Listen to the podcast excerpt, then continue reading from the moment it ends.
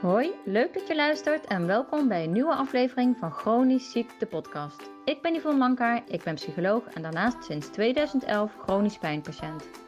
In deze podcast neem ik je mee in het leven met een chronische aandoening en zie ik het als een mooie uitdaging om het onzichtbare bespreekbaar te maken. Hiervoor ga ik in gesprek met experts en ervaringsdeskundigen. Ik deel naast mijn eigen ervaringen ook handige tips en met dit alles hoop ik je te inspireren tot een waardevol leven, ook als je chronisch ziek bent.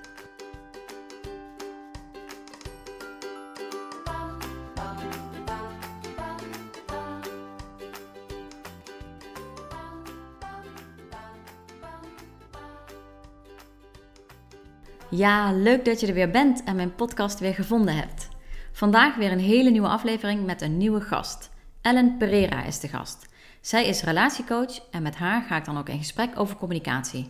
Superleuk bruggetje natuurlijk naar het magazine Chronisch Ziek en Communicatie en mijn vijfdaagse training Chronisch Ziek en Communicatie die ook deze maand het levenslicht gaan zien. Ik vind communicatie namelijk echt een superbelangrijk onderwerp. Het komt in alle andere onderwerpen terug. En heel vaak is communicatie een ondergesneeuwd kindje. Iedereen denkt dat het wel prima gaat, want we praten toch. Maar praten en praten, daar kan nogal eens een verschil in zitten natuurlijk. Met Ellen ga ik in gesprek over het maken van spelregels voor je relatie. Ze legt uit waarom communiceren in haar ogen pingpongen is. Er komen weer twee prachtige metaforen voorbij over een puzzel en over de eilanden. En waar het kan, passen we toe op communiceren wanneer een van de partners een chronische ziekte heeft. Hoe houd je het bijvoorbeeld behapbaar voor de gezonde partner? En hoe zorg je ervoor dat je omgeving je niet in de patiëntenrol blijft duwen als je dat zelf niet prettig meer vindt? Kortom, we hebben weer een heerlijke bomvolle aflevering. En wanneer je nu al of na het luisteren van de aflevering denkt: hmm, aan mijn communicatie kan nog wel wat gewerkt worden, download dan mijn magazine Chronisch Ziek en Communicatie. De link hiervoor vind je in de beschrijving. Veel luisterplezier! Ik zit nog even terug te luisteren en ik bedoel natuurlijk helemaal niet een ondergesneeuwd kindje. Hoe zielig is dat? Een ondergeschoven kindje of het is een beetje ondergesneeuwd. Nou, je begrijpt vast wat ik bedoel. Heel veel plezier! Welkom uh, Ellen, leuk dat je te gast wil zijn in mijn podcast. We gaan uh, vandaag uh, in gesprek over communicatie en relaties. En dan met name de link ook naar wat als iemand chronisch ziek is of chronisch pijn heeft in een relatie. Daar zijn nogal wat hobbels op de weg te vinden. En nou, jij gaat ons vandaag daar wat over vertellen en wat mee helpen. Maar zou jij je eerst zelf voor kunnen stellen voordat we van start gaan? Ja, dat wil ik heel graag doen. Uh, Yvonne, hartstikke leuk dat uh, ik uh, mee mag doen met deze podcast. Nou, mijn naam is Ellen Pereira. Ik ben relatiecoach onder de naam Coach Ellen. En ik help mensen om weer gelukkig te worden met zichzelf in een relatie en dat je dat werk doet wat echt bij je past. En dat doe ik met een specifiek model en dat heet de vier temperamenten, waar ik in deze podcast nog veel meer over ga vertellen. Nou, nou, superleuk. Dankjewel. Um, laten we daar nou gewoon meteen mee beginnen, die vier temperamenten. Want daar doe je inderdaad veel mee in jouw behandeling, in jouw gesprekken. Ja. Zou je daar eens wat over kunnen vertellen, wat dat, wat dat is, wat dat inhoudt, wat je ermee kunt? Ja, nou, um, we worden allemaal geboren met een combinatie van temperamenten. Het is eigenlijk heel oud. Ik kan me nog herinneren dat ik 27 jaar geleden ooit het boek had gelezen, Mensenkennis Plus. En jezelf en elkaar echt goed begrijpen. En dat gaat over de vier temperamenten. En toen ik dat boek had gelezen, toen dacht ik bij mezelf, nou, ik weet wie ik ben. En ik begreep ook meteen mijn hele familie en, enzovoort. Uh, het is ontwikkeld door Hippocrates. En omdat het zo oud is, heb ik het in een heel nieuw jasje gestopt, een naam en een gezicht gegeven. En een beetje een moderne look gegeven. Het, is, het helpt je om jezelf en elkaar echt heel goed te begrijpen. En je hebt vier verschillende benamingen. Je hebt de sanguinicus, de cholericus, de phlegmaticus en de melancholicus. Dan kan ik me voorstellen dat de luisteraars denken, wat is dat? Dat zijn allemaal Latijnse benamingen. En in, je, in Jip en Janneke taal ben je de spreker, de doener, de beschouwer en de denker. Elk temperament heeft zijn eigen karaktereigenschappen, communiceert op zijn eigen manier en beleeft emoties op zijn eigen manier. En dat is de reden waarom je met bepaalde mensen een hele goede klik kan hebben, of juist helemaal niet. Want je bent of heel erg aanvullend aan elkaar, of je hebt hetzelfde temperament. Oké, dus dat zegt inderdaad meteen ook heel veel over relaties. Gewoon überhaupt met mensen, eh, maar ook natuurlijk in een liefdesrelatie en met je partner. is dat inderdaad ook iets wat jij dan, ja, uh, waar mensen een test voor doen, wat je dan uitlegt, wat mensen dan zelf dus, welke combinatie mensen zelf hebben en wat ze daarmee zouden kunnen doen? Of hoe pak je dat dan aan? Ja, nou de bedoeling is inderdaad dat mensen een test doen. Ze moeten 40 vragen beantwoorden vanuit de sterke karaktereigenschappen. En, of 20 vanuit de sterke karaktereigenschappen en 20 vanuit de zwakke karaktereigenschappen. En de bedoeling is dat je erachter komt welke combinatie van temperamenten jij bent, waarmee jij geboren bent en het meest leeft vanuit je kracht en niet vanuit je zwakte. En het helpt je eigenlijk echt om erachter te komen wat jouw identiteit is, wie jij bent. Want ik zeg altijd van het is heel makkelijk om te zeggen je moet gewoon jezelf zijn, mhm. maar uh, het, het, dat is moeilijk om te doen. En dan is het heel fijn om je ergens aan vast te houden. En in, in een liefdesrelatie, of eigenlijk in elke relatie, neem je jezelf mee. En uh, neem je jezelf mee vanuit je kracht, of neem je je mee vanuit je zwakte. Nou, ik kan daar uren over praten. ja. ja. Ja, nee, mooi. En dat, eh, dat, ja, dat brengt me natuurlijk ook meteen bij de tweede vraag. Als we het dan toe gaan passen uh, op het hebben ook van een chronische aandoening. Dus een van de twee partners heeft een chronische aandoening. Kan je eens een voorbeeld geven waar je dan tegenaan zou kunnen lopen in, met, ja, binnen dit model met temperamenten. Dus ja, hoe kunnen bijvoorbeeld temperamenten botsen, waardoor het moeilijk is om, ja, om zo'n chronische aandoening uh, ja, soort van te omarmen binnen een relatie? Daarmee ja, om te leren gaan? Ik denk dat dit ook heel erg te maken heeft uh, met uh, het omgaan met emoties. Want als je chronische pijn hebt, dan ja, er wordt nogal wat van jezelf gevraagd. Nou, dat weet jij natuurlijk als de beste. Afhankelijk welk temperament je bent, ga je heel anders met emoties om. Mhm. Als we de Quinnicus nemen, de spreker, uh, die heeft hoge pieken en diepe dalen en die ervaart heel veel emoties.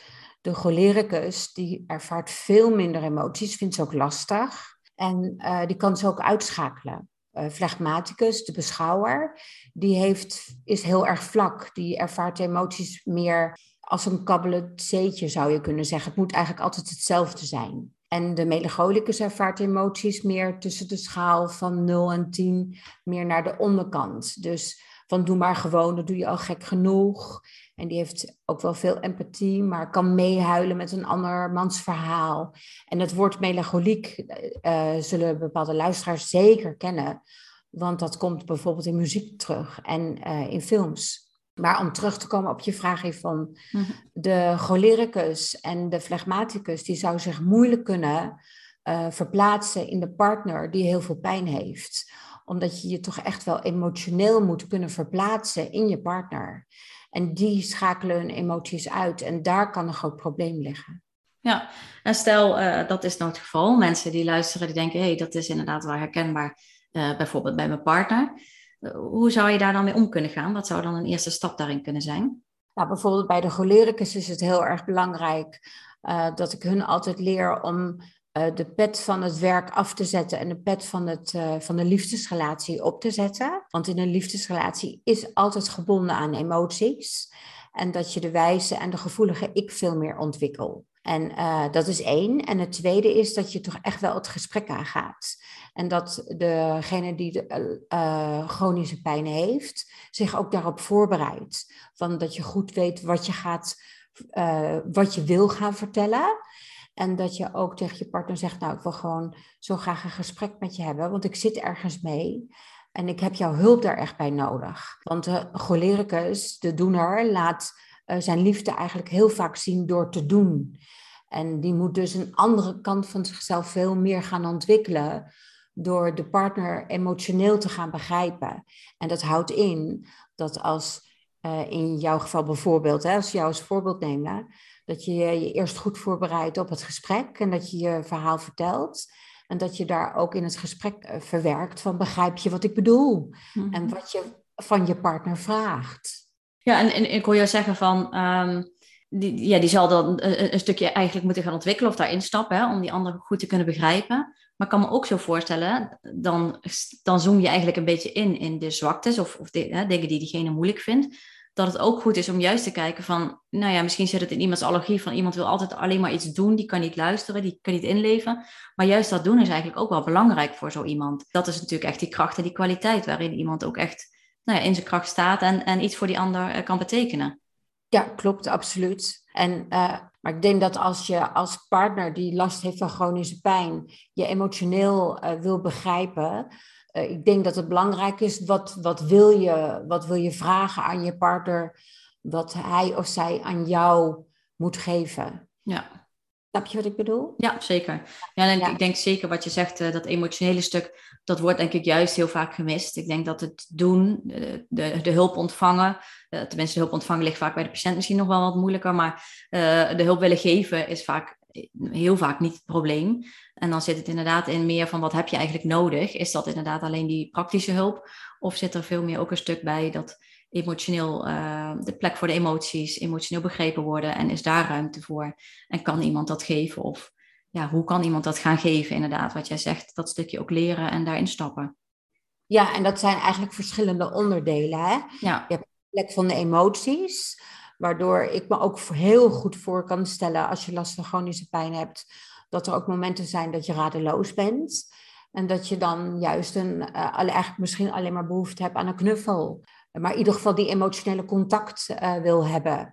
Maar op het moment dat je in een andere situatie zit met je chronische pijn, dat juist hulp, het doen, heel erg belangrijk is. En dan heb je aan de cholericus, de doener, de beste, want die wil dat doen. Die laat ook zijn liefde zien door te doen. Ja, maar mooi. De flegmaticus bijvoorbeeld, die, uh, vind, die, die zit en gaat beschouwen dan zal dat lastig vinden om zich uh, een bepaalde rol aan te nemen. Die uh, volgt veel liever. Die uh, zou veel vaker zeggen, zeg maar wat je wil dat ik doe. Dus als je, als je wil dat je partner uit zichzelf initiatief neemt, ja, bij een flegmaticus wordt dat heel erg lastig. Ja, mooi hoeveel dat dan inderdaad zegt. En ik denk dat het ook heel veel begrip kan, voor begrip kan zorgen op het moment dat jij dus inderdaad inzicht hebt van hé, wat voor persoon zit er eigenlijk tegenover mij? Met wie leef ik samen? Met wie ben ik samen? En wat verwacht ik eigenlijk van diegene? Wat die ander misschien in ieder geval veel moeilijker kan geven. Wat misschien uiteindelijk wel kan, op het moment dat je het daarover gaat hebben. Maar wat niet ja. vanzelf gaat, terwijl je dan daar misschien veel frustratie over kan hebben. Waarom doet diegene dat nou niet? Dat dat wel veel uh, wederzijds begrip uh, kan uh, verzorgen. Ja, absoluut. Ja. En ook inderdaad van, het gaat om dat je jezelf en elkaar begrijpt. En dat je partner niet precies hetzelfde is als jijzelf. Mm-hmm. Dat ik altijd heel vaak hoor van, ja, maar voor mij is dat toch gewoon zo vanzelfsprekend. Dat doe je toch gewoon? Of zo denk je toch gewoon? Of zo praat je toch gewoon? Nee, dat is voor jou zo. Maar voor je partner is het heel anders. En ik merk altijd op het moment dat mensen in, in aanmerking komen of in aanraking komen met de vier temperamenten, dat er heel veel aha-momenten zijn. De, oh, zo werkt dat. En dan zeggen ze ook van ja, dat klopt, dat doet mijn partner precies zo. Dus uh, het geeft heel veel uh, helderheid. Ja. ja, mooi. Ja. Nou zag ik op jouw website staan, in een relatie maak je samen de spelregels. Ja. Je, ja, dat vond ik een mooie. Kun je voorbeelden geven van een aantal spelregels die belangrijk zouden kunnen zijn wanneer er dus sprake is van een chronische ziekte in een relatie? Nou, um, wat ik daarmee bedoel, het heeft trouwens ook sowieso te maken met de tien sleutels gelukkig zijn in je liefdesrelatie. Mm-hmm. En dat, dit is de tiende sleutel. In je uh, relatie maak je samen de spelregels. En dat heeft echt weer te maken met uh, welke combinatie van temperamenten je samen bent. Dus voor jezelf en je partner. Waar ligt de behoefte in je relatie wat je belangrijk vindt? Uh, dat is één. En het tweede is uh, dat uh, issues waar je tegenaan loopt, dat je dat niet als een grote roze olifant in de kamer laat staan, maar dat je dat bespreekbaar maakt. En dat je echt alle twee zegt wat je, hoe je het ervaart, hoe je het probleem ervaart en hoe je het samen zou willen oplossen. En ik geef altijd advies, maak er een spelregel van. Dus misschien is het handig hiervan om een voorbeeld te noemen. Mm-hmm. Ja, dan noem ik een voorbeeld uit mijn eigen leven. Nou, ik ben uh, een combinatie van temperamenten, een sanguinicus, cholericus en melancholicus. En mijn partner is een cholericus, sanguinicus en een phlegmaticus. Dus mijn man is heel erg uh, aan het doen, hard werken en heeft echt leiderschapskwaliteiten. En ik zelf ben heel erg mensgericht, heb heel, heel veel empathie en vind gezin, uh, heel erg belangrijk. Toen ik aan het koken was en de kinderen woonden nog thuis, dan kon mijn man thuiskomen met de mededeling dat ik iets in de agenda moest zetten. Maar ik was heel erg druk in mijn hoofd bezig met wat, wat de kinderen allemaal verteld hadden toen ze net van school thuis kwamen. En uh, ik was aan het koken en de tafel moest gedekt worden. En uh, dan kon ik, want ik, een deel van mij kan zeker ook chaotisch zijn. En, uh, en dan vertelde mijn man dat. En dan kon ik bijvoorbeeld gewoon ja zeggen zonder dat ik echt geluisterd had. En dan dacht mijn man van nou, ik heb het er verteld, dus hij weet het. En dan kwam die datum, kwam, of die afspraak was op een gegeven moment uh, zover. En toen zegt hij van ja, je weet toch dat we dat gaan doen? Ik zeg nee. Dus ik heb je dat gezegd? En ja, toen en toen. En dan, kon, dan konden wij een discussie over krijgen. En toen hebben we een afspraak gemaakt. Toen heb ik uitgelegd hoe ik werk.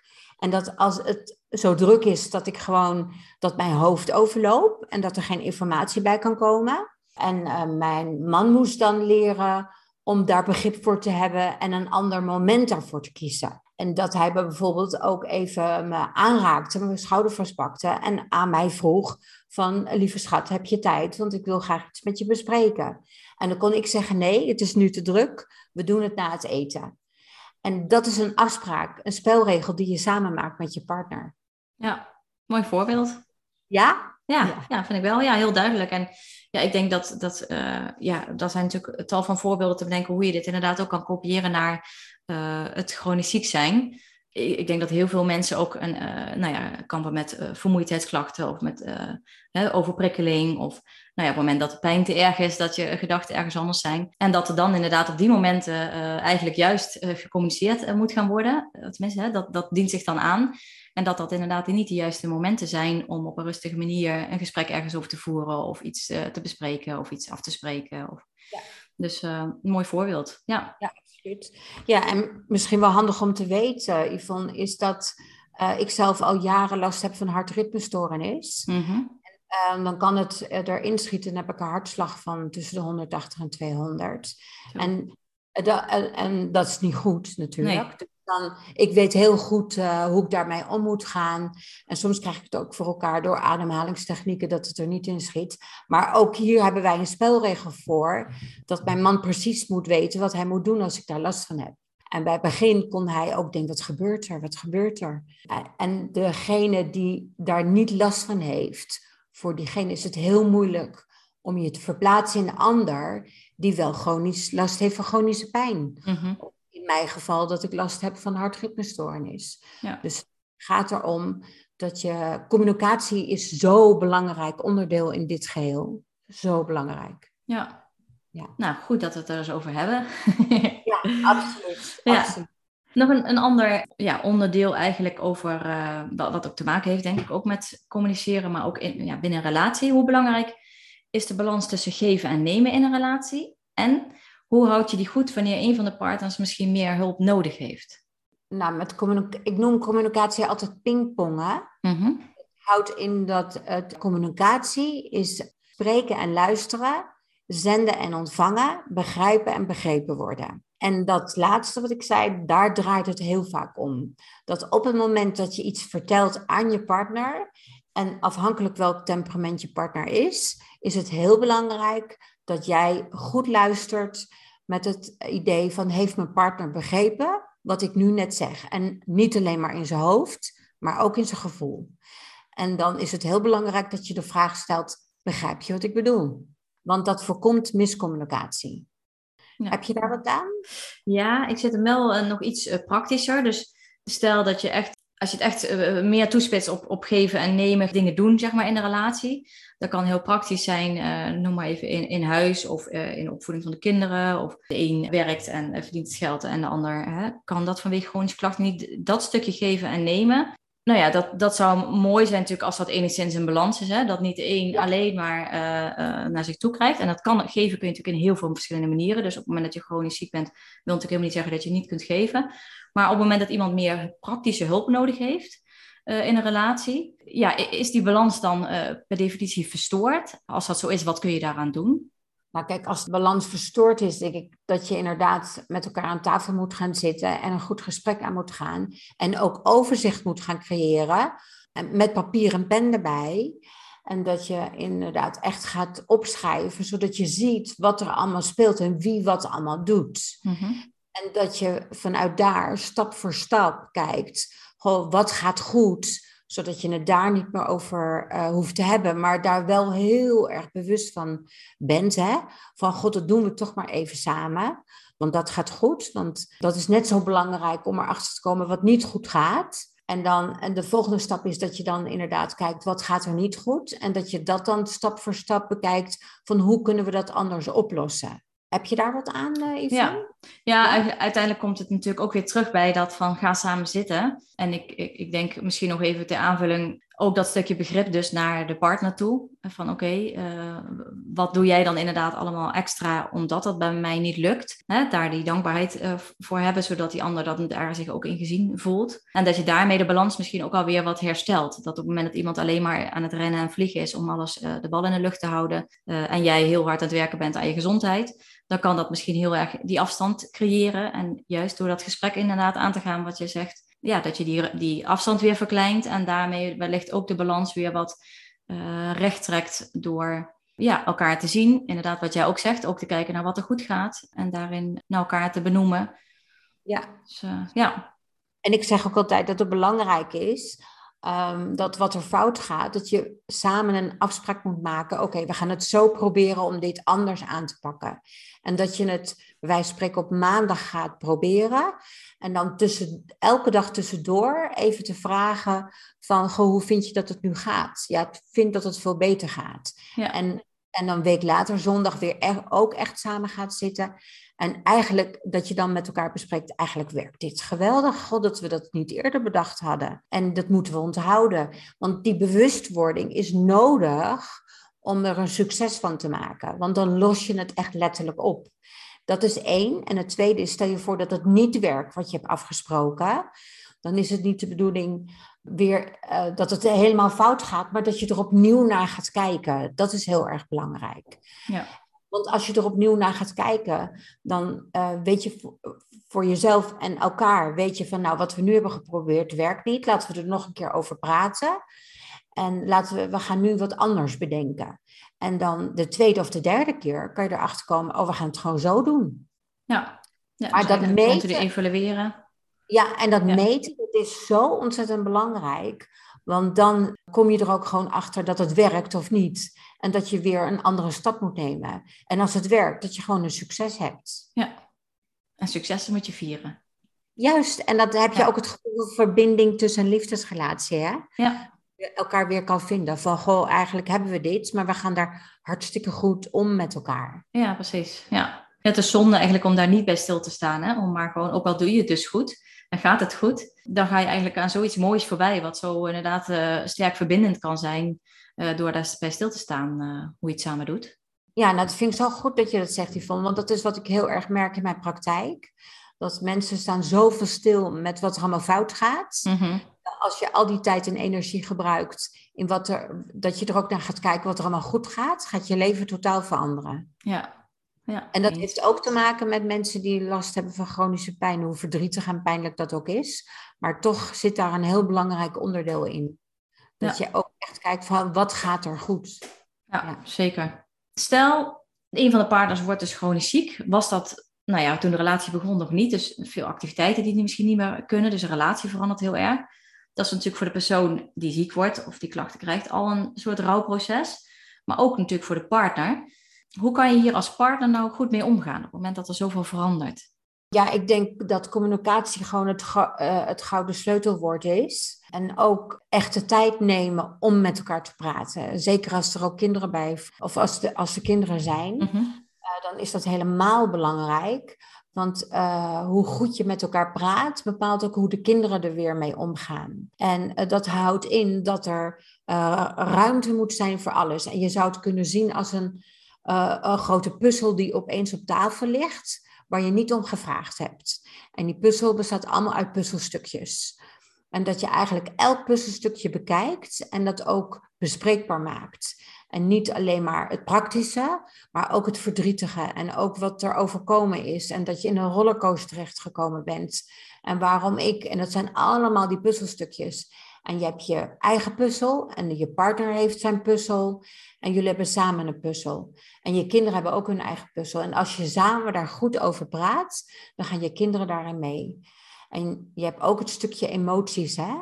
Ehm, dat is zo belangrijk, want dat, is, dat speelt gewoon mee. Dat kan niet anders in uh, zoiets als dit, met chronische mm Ja. Ja, mooi die vergelijking met die puzzels. Het roept bij mij ook meteen op. Eigenlijk heb je op individueel inderdaad, daarna kwamen nog heel veel puzzels erbij waar je gelijk in hebt. Maar ik moest ook meteen denken, eigenlijk heb je twee puzzels. Op het moment dat je dus dat rouwproces erbij pakt van oké, okay, ons leven zijn dus veranderd. Ja, dat, er zit ook puzzelstukjes bij van, van daarvoor. Hè? Uh, van een puzzel daarvoor misschien, van hoe de relatie daarvoor eruit zag. En die, die niet meer passen. Dus die inderdaad uh, eruit moeten, omdat bepaalde dingen misschien ook niet, blijvend niet meer gaan kunnen. Maar um, jij geeft inderdaad ook mooi uh, de aanvulling nog van iedereen heeft eigenlijk zijn eigen puzzel. En dat maakt het inderdaad wat ingewikkelder natuurlijk om, om die puzzels te leggen. Zeker als stukjes door elkaar liggen of uh, zo visualiseer ik me dan alvast. Uh, maar inderdaad, hoe belangrijk het dan is om dan inderdaad wel samen te gaan zitten. En dus, dus die andere stukjes ook te bekijken van oké, hoe is het dan voor die ander en hoe gaan we daar uh, stukjes aan elkaar kunnen leggen. Ja, zeker. Mooi. Ja. ja, een hele mooie vergelijking. Ik heb ook nog wel een andere vergelijking voor ja, jou. graag. Ik ben dol op vergelijkingen. Ja. Um, ik werk ook met uh, de eilanden. En je hebt een eiland waar heel veel pijn en verdriet uh, is. En je hebt het eiland waar je naartoe wil. En tussen die twee eiland, eilanden zit een brug. En als je te horen krijgt dat je chronische ziekte hebt of chronische pijn, dan kom je op het eiland waar heel veel pijn en verdriet zit. En de bedoeling is dat je daar niet blijft rondlopen, maar dat je naar dat nieuwe eiland gaat. En door eh, duidelijkheid te krijgen in die puzzels, kan je naar dat nieuwe eiland gaan. En die brug daartussen, de stappen die je doet, de gesprekken die je met elkaar hebt, bepaalt hoe lang het duurt dat je naar dat nieuwe eiland gaat. Ah ja, mooi. En hoe je elkaar dan dus eigenlijk ook nodig hebt. Eh, juist, uh, daarin. Je, ja. juist. Ja, en dat bepaalt ook dat je dus samen op die brug loopt. En dat je elkaar samen moet helpen. Maar communicatie blijft altijd de gouden sleutel. En de vier temperamenten communiceren ook wel echt op hun eigen manier. Dus dan is het echt een hulpmiddel om elkaar veel beter te begrijpen via de communicatie, via de vier temperamenten. Ja, ook een mooie inderdaad uh, om hem uh, beeldend uh, te maken. Dan heb ik nog een, een aanvullende vraag ook van een luisteraar die dat stuurde. Wat als je partner nou niet wil of kan praten over het nieuwe leven waarin dus ook ziekte een rol heeft? Ja, nou dat zijn meestal de partners die meer introvert zijn. Want je kan extravert, introvert of ambivert zijn. Als je ambivert bent, dan ben je een combinatie van extra en introvert. En er is geen goed in fout. Hè? Mm Dus we hebben elkaar nodig, zeg ik altijd. Alleen mensen die introvert zijn, communiceren anders. Als ik dat koppel aan de vier temperamenten, dan communiceert uh, de beschouwer of de flegmaticus veel meer door te beschouwen. En de melancholicus, die ook introvert is, die communiceert veel meer door te denken. En dat is aan één kant nodig, maar het kan ook een valkuil worden. Ze hebben veel meer tijd nodig om een uh, hoofd op orde te krijgen en het gesprek echt aan te gaan. En als je zelf uh, extravert bent en een spreker of de doener, dan gaat jouw communicatie, jouw denkwijze veel sneller. Jij schakelt ook veel sneller in je hoofd. En één tip is dat als je partner veel meer introvert is en jij bent extravert, dan is dat je met een duidelijke vraag komt en daarna de vraag bij je partner neerlegt. En tegen je partner zegt, denk erover na. En, maar ik, hoor wel graag het antwoord, ik wil wel graag het antwoord graag hebben. En dat je partner ook de verantwoordelijkheid neemt. Ik weet dat ik erover moet nadenken, maar ik beloof dat ik erop terugkom. Dat is één. En het tweede is, doordat beschouwer en de denker veel meer introvert zijn en meer erover na moeten denken, zou je ook kunnen werken met een schriftje. Dus dat jij je verhaal opschrijft waar je mee zit en dat je dat aan je, aan je partner geeft en dat die dat via, via zijn eigen verhaal uh, weer in het schriftje ook opschrijft. En dat je na, naar aanleiding van dat schriftje het gesprek aangaat. Oh ja, ja. Dus dan is het een en ander al gezegd, zeg maar. Daar is er over nagedacht. Ja. Uh, en dan aan aanleiding daarvan ga je nog het gesprek aan. Ja.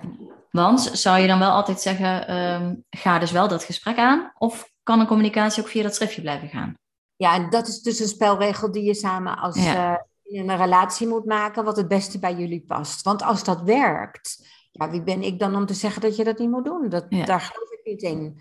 Het gaat erom dat je iets vindt qua communicatie wat voor jullie werkt. En, uh, en dat kan ook zijn dat je dat schriftje vaker gebruikt. En dat de laatste tien minuten alleen maar te maken heeft met dat je bepaalde dingen even moet bespreken. En dat is ook prima. Ja, dus vind, je daar, vind daar je eigen, of uh, jullie uh, eigen weg in, zeg maar. Dat ja. is eigenlijk het advies. Ja. En dan zou het dus kunnen dat op het moment dat iemand eigenlijk nu in eerste instantie het gevoel heeft van ik, ik wil of kan daar niet over praten, uh, door eigenlijk de ruimte te geven en niet meteen, nou ja, maar even te, gechargeerd te zeggen, er bovenop te springen en alles eruit te trekken, dat dat kan helpen of, om iemand toch zijn eigen, ja, zijn eigen weg daarin te belanden en bewandelen en daardoor toch in gesprek erover te kunnen. Ja, klopt. Ja, want ja. het valkuil van de spreker is dat hij gaat een waterval van woorden gaat neerleggen. Ja. En uh, het gesprek overneemt, terwijl de ander alleen maar aan het beschouwen is en ja of nee knikt. Ja. En, uh, en zich terugtrekt en gaat zitten beschouwen, want dat is wat de flegmaticus doet. En de melancholicus trekt zich ook terug, maar die gaat zitten nadenken en gaat een muur optrekken. Ja. En dat is jammer, want dat hoeft niet. Nee, precies. Ja. Het kan echt anders. Ja. En wat misschien ook heel belangrijk is om erbij te zeggen, mm -hmm. Dat je, hoe belangrijk het is dat je spreekt in vrijheid zonder oordeel. En als je dat doet, dan doe je dat eigenlijk omdat je alleen maar naar elkaar wil luisteren. En dat je op dat moment er niet over wil oordelen. Wat ik nu zeg, weet ik dat dat moeilijk is, maar het kan wel. Want de doelstelling is dat je elkaar alleen maar wil begrijpen. En dat je ook papier en pen erbij neemt en dingen opschrijft. Want als je elkaar begrijpt, je hoeft het namelijk niet met elkaar eens te zijn, als je elkaar maar begrijpt. En dat, dat krijg je als je spreekt in vrijheid, zonder oordeel. Ja, ja, dat kan me voorstellen. En dat je dan eigenlijk ook veel minder vanuit je eigen verhaal, dat dat, hè, natuurlijk is dat je vertrekpunt, maar dat dat niet continu het uitgangspunt blijft, maar dat je eigenlijk toch probeert uh, je eigen wagonnetje aan te haken bij die ander, om, uh, om zijn verhaal, ja, wat je zegt, te kunnen begrijpen en, en niet alleen maar inderdaad zenden is van, oh, ik zorg maar dat mijn verhaal bij jou komt, maar dat je vooral inderdaad ook die connectie kan maken. Ja, precies. Ja, ja. ja mooi. En dat, voor een sanguinicus zal het nog een uh, uitdaging zijn, want die praten zo snel en die denken zo snel. En ik raad de sanguinicus altijd aan van, wees vijf minuten even stil en geef je partner de ruimte om na te denken en antwoord te geven. En dat, dat is wat, als je introvert bent, ook letterlijk zo tegen je partner tegen je partner moet zeggen. Hè? Van, uh, ik hoor je, maar wees nou even stil, want ik moet even erover nadenken met wat je zegt. En het is prima, dat mag. Ja, ja. ja dat is wel een van die mooie spelregels natuurlijk. Op het moment dat je daar... Uh, ja. Ja, ja, ja, En dat lukt denk ik ook alleen als je uh, de communicatie ook echt... Als je, je doel is om dat tot een succes te maken. Als het inderdaad alleen maar is van... Nou, hè, we, we doen ons eigen zegje en ja, we zijn koppig en we blijven in ons eigen stuk hangen ja, dan heeft dat niet zo meerwaarde om, uh, om af te spreken van goh, even inderdaad die ander de ruimte geven, na te laten denken. En dat is juist als je natuurlijk wil dat, dat die ander zich ook goed kan uiten, daar goed op kan reageren, er even over na kan denken. Dus dat dat het uitgangspunt inderdaad zou moeten zijn.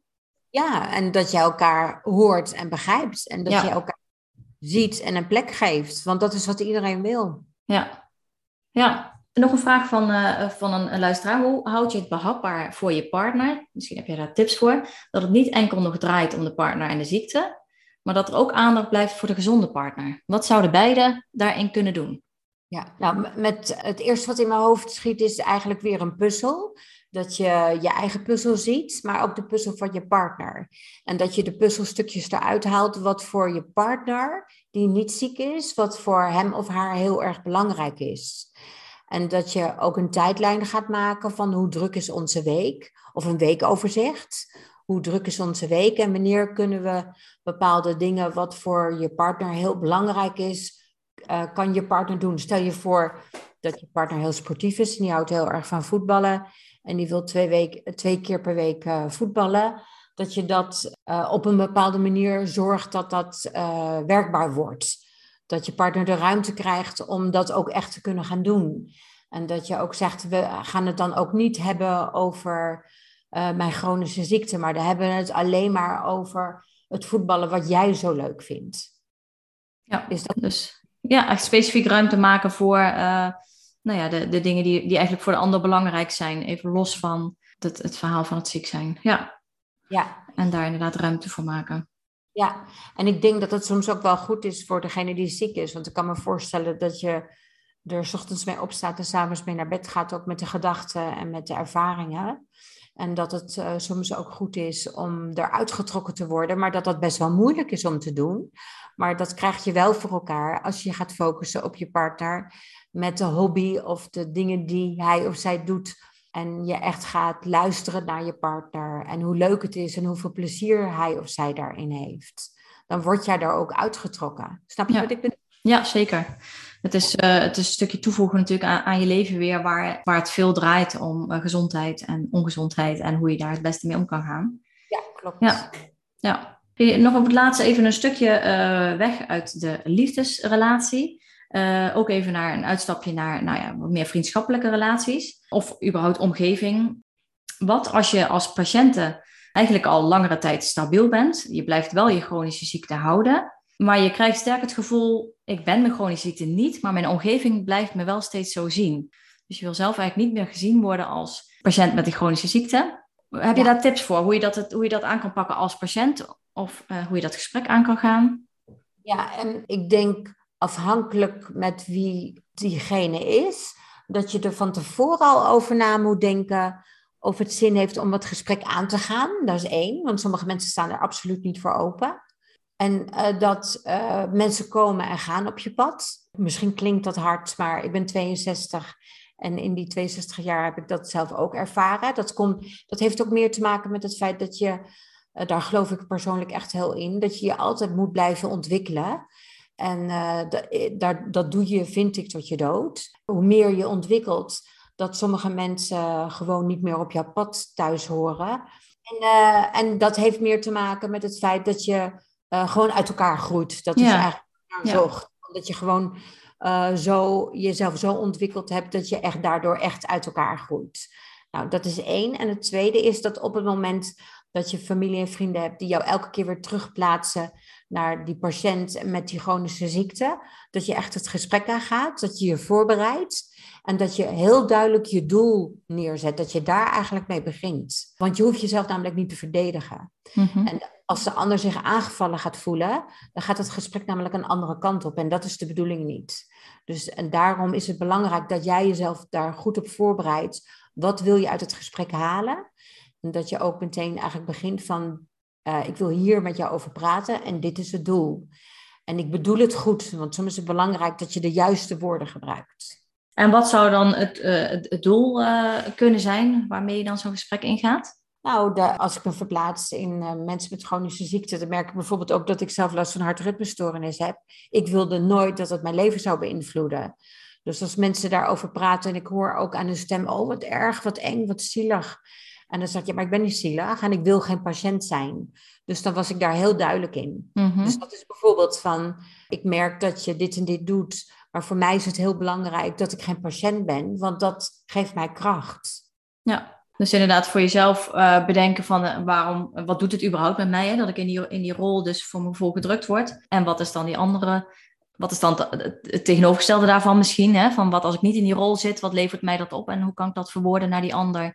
Ja, en wat, wat hoop ik hoe die ander zich wel of niet gaat uh, gedragen dan naar mij toe. Ja. Ook dat stukje inderdaad eigenlijk een beetje vergelijkbaar met de vier temperamenten, hoe je dan weer kan inleven in die ander. Uh, want ik kan me ook voorstellen als iemand op de, eh, in de ondervraagrol zit, dat dat ook natuurlijk een hele fijne tegenoverrol is tegenover iemand die chronisch ziek is. Ja. Die kan daar natuurlijk ook lekker losgaan. Uh, ja. Dus dat je op het moment dat je inleeft in die ander van hé, hey, dat, doet, dat geeft een ander blijkbaar een heel goed gevoel. Uh, ja, hoe kunnen we dat dan uh, verwoorden naar die ander toe om er, toch te laten merken van hé, hey, maar het is voor mij niet prettig. En ik snap dat het voor jou misschien een uiting is van zorg dragen voor mij of interesse tonen in mij. Of maar laten we dat misschien op een andere manier doen of op een ander onderwerp. Of, ja. Ja. ja. En voor de mensen die bijvoorbeeld introvert zijn, is het veel moeilijker om de dingen echt zo letterlijk meteen te zeggen, want die denken er veel meer over na. Maar om een tip te geven, gebruik het zinnetje, nou daar wil ik even over nadenken en dan kom ik op terug. Want wat je doet is dat je je plek opeist en dat je ook zelf het gesprek uh, weer terugtrekt naar, je, naar jezelf. Mm-hmm. Ja, en zeker dat je op dat moment inderdaad natuurlijk niet altijd een reactie eh, paraat hebt of overmand bent door emoties of ja, andere klachten spelen, waardoor het niet het moment is om eh, het gesprek verder te voeren. Ja, ja. Nou, ik ben eigenlijk door mijn uh, lijst met uh, vragen heen. Dus ik wil jou eigenlijk vragen of jij nog iets toe te voegen hebt, nog iets laatste wat je mee wil geven. Of...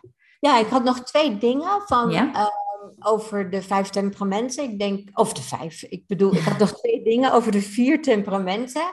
Ik denk de manier om het op het beste uit te leggen, uh, vertel ik altijd het verhaal over het vijf minuten effect. En je komt ergens binnen, je kent helemaal niemand, je schudt iemand de hand en na vijf minuten heb je het gevoel, ik ken jou al jaren. En dan heb je meteen een bepaalde verbinding met elkaar. Je schudt een ander de hand en na vijf minuten heb je het gevoel um, dat, er, dat het ongemakkelijk is en dat je eigenlijk wel naar een ander toe wil, maar dat je ook niet zo goed weet hoe je dat moet zeggen, omdat het zo ongemakkelijk is. Herkenbaar? Ja, zeker. Ja. Nou, en dat heeft te maken met dat als je die verbinding wel hebt, dat je dezelfde combinatie van temperamenten, of in ieder geval een overlap hebt met elkaar van temperamenten. En als je het niet hebt, dus geen verbinding hebt met elkaar, dan eh, ben je aanvullend aan elkaar. Maar dat verandert op het moment dat je oprecht geïnteresseerd bent in elkaar. Want dan geef je namelijk iemand een plek en dan ben je oprecht geïnteresseerd in de ander. Dat is de ene tip die ik nog wil geven. En de mhm. andere tip, dat gaat over communicatie. Is wat ik altijd merk, is dat op het moment dat uh, mensen in een discussie over ruzie terechtkomen, dat het altijd over één onderwerp begint. En dat er dan, voordat je het weet, komen er twee, drie, vijf, zes andere onderwerpen bij. En ik noem dat altijd subonderwerpen. En mijn advies is altijd, hou het bij één onderwerp en los dat eerst op. En probeer jezelf en elkaar te begrijpen. Ja, nou, mooie laatste woorden en uh, mooie laatste tip. Ja, ja. zeker. Nou, uh, ik wil je ontzettend bedanken voor dit uh, gesprek. Ik denk dat er ontzettend veel mooie dingen gezegd zijn. En ja, ik ben zelf altijd dus dol op vergelijkingen. Dus ik ben blij dat er weer een paar in zitten deze keer. Dat het vaak toch net wat, ja, weer wat anders uitlegt dan, dan alle woorden die we eraan kunnen geven. Dus ja, ontzettend bedankt voor dit mooie gesprek, Ellen. Ja, heel graag gedaan. Ik vond het hartstikke leuk om te doen hiervan. Ja, nog een laatste uh, trouwens. Misschien is het nog wel mooi om in de beschrijving van de podcast een uh, link te zetten van een website waarin mensen misschien wat meer kunnen lezen over de vier temperamenten. Dus ik weet niet of dat misschien een blogartikel van jou is of een website, maar daar kom ik met jou nog even later op terug. Maar dan weet de luisteraar vast uh, dat we die link in, het, in de beschrijving gaan zetten. Ja, ja, ze kunnen sowieso altijd het e-book downloaden. Oh ja, en dat e-book heet ja. Alles over relaties. Ja, ja, nou, ik zet jou, uh, zodat jouw website er ook staat, dan kunnen mensen die link naar de e-book sowieso vinden. Ja, heel leuk. Oké, nou hartstikke bedankt. Graag gedaan. Superleuk dat je weer luisterde naar een aflevering van Chronisch Ziekte Podcast. Ik hoop dat het je nieuwe inzichten en inspiratie opgeleverd heeft. Laat het me vooral weten op Instagram, waar je me kunt vinden op Psycholoog. Laat daar ook je vragen achter die ik eventueel mee kan nemen in een nieuwe aflevering. Wil jij een centje krijgen wanneer er weer een nieuwe aflevering van Chronisch Ziekte Podcast online komt? Abonneer je dan op dit kanaal op je Spotify-app of op iTunes. En ik zou het echt super tof vinden wanneer je hier een review achter wil laten. Daarmee help je mij meer mensen te bereiken en daar word ik dan weer heel blij van. Tot de volgende aflevering en nog een hele mooie dag gewenst.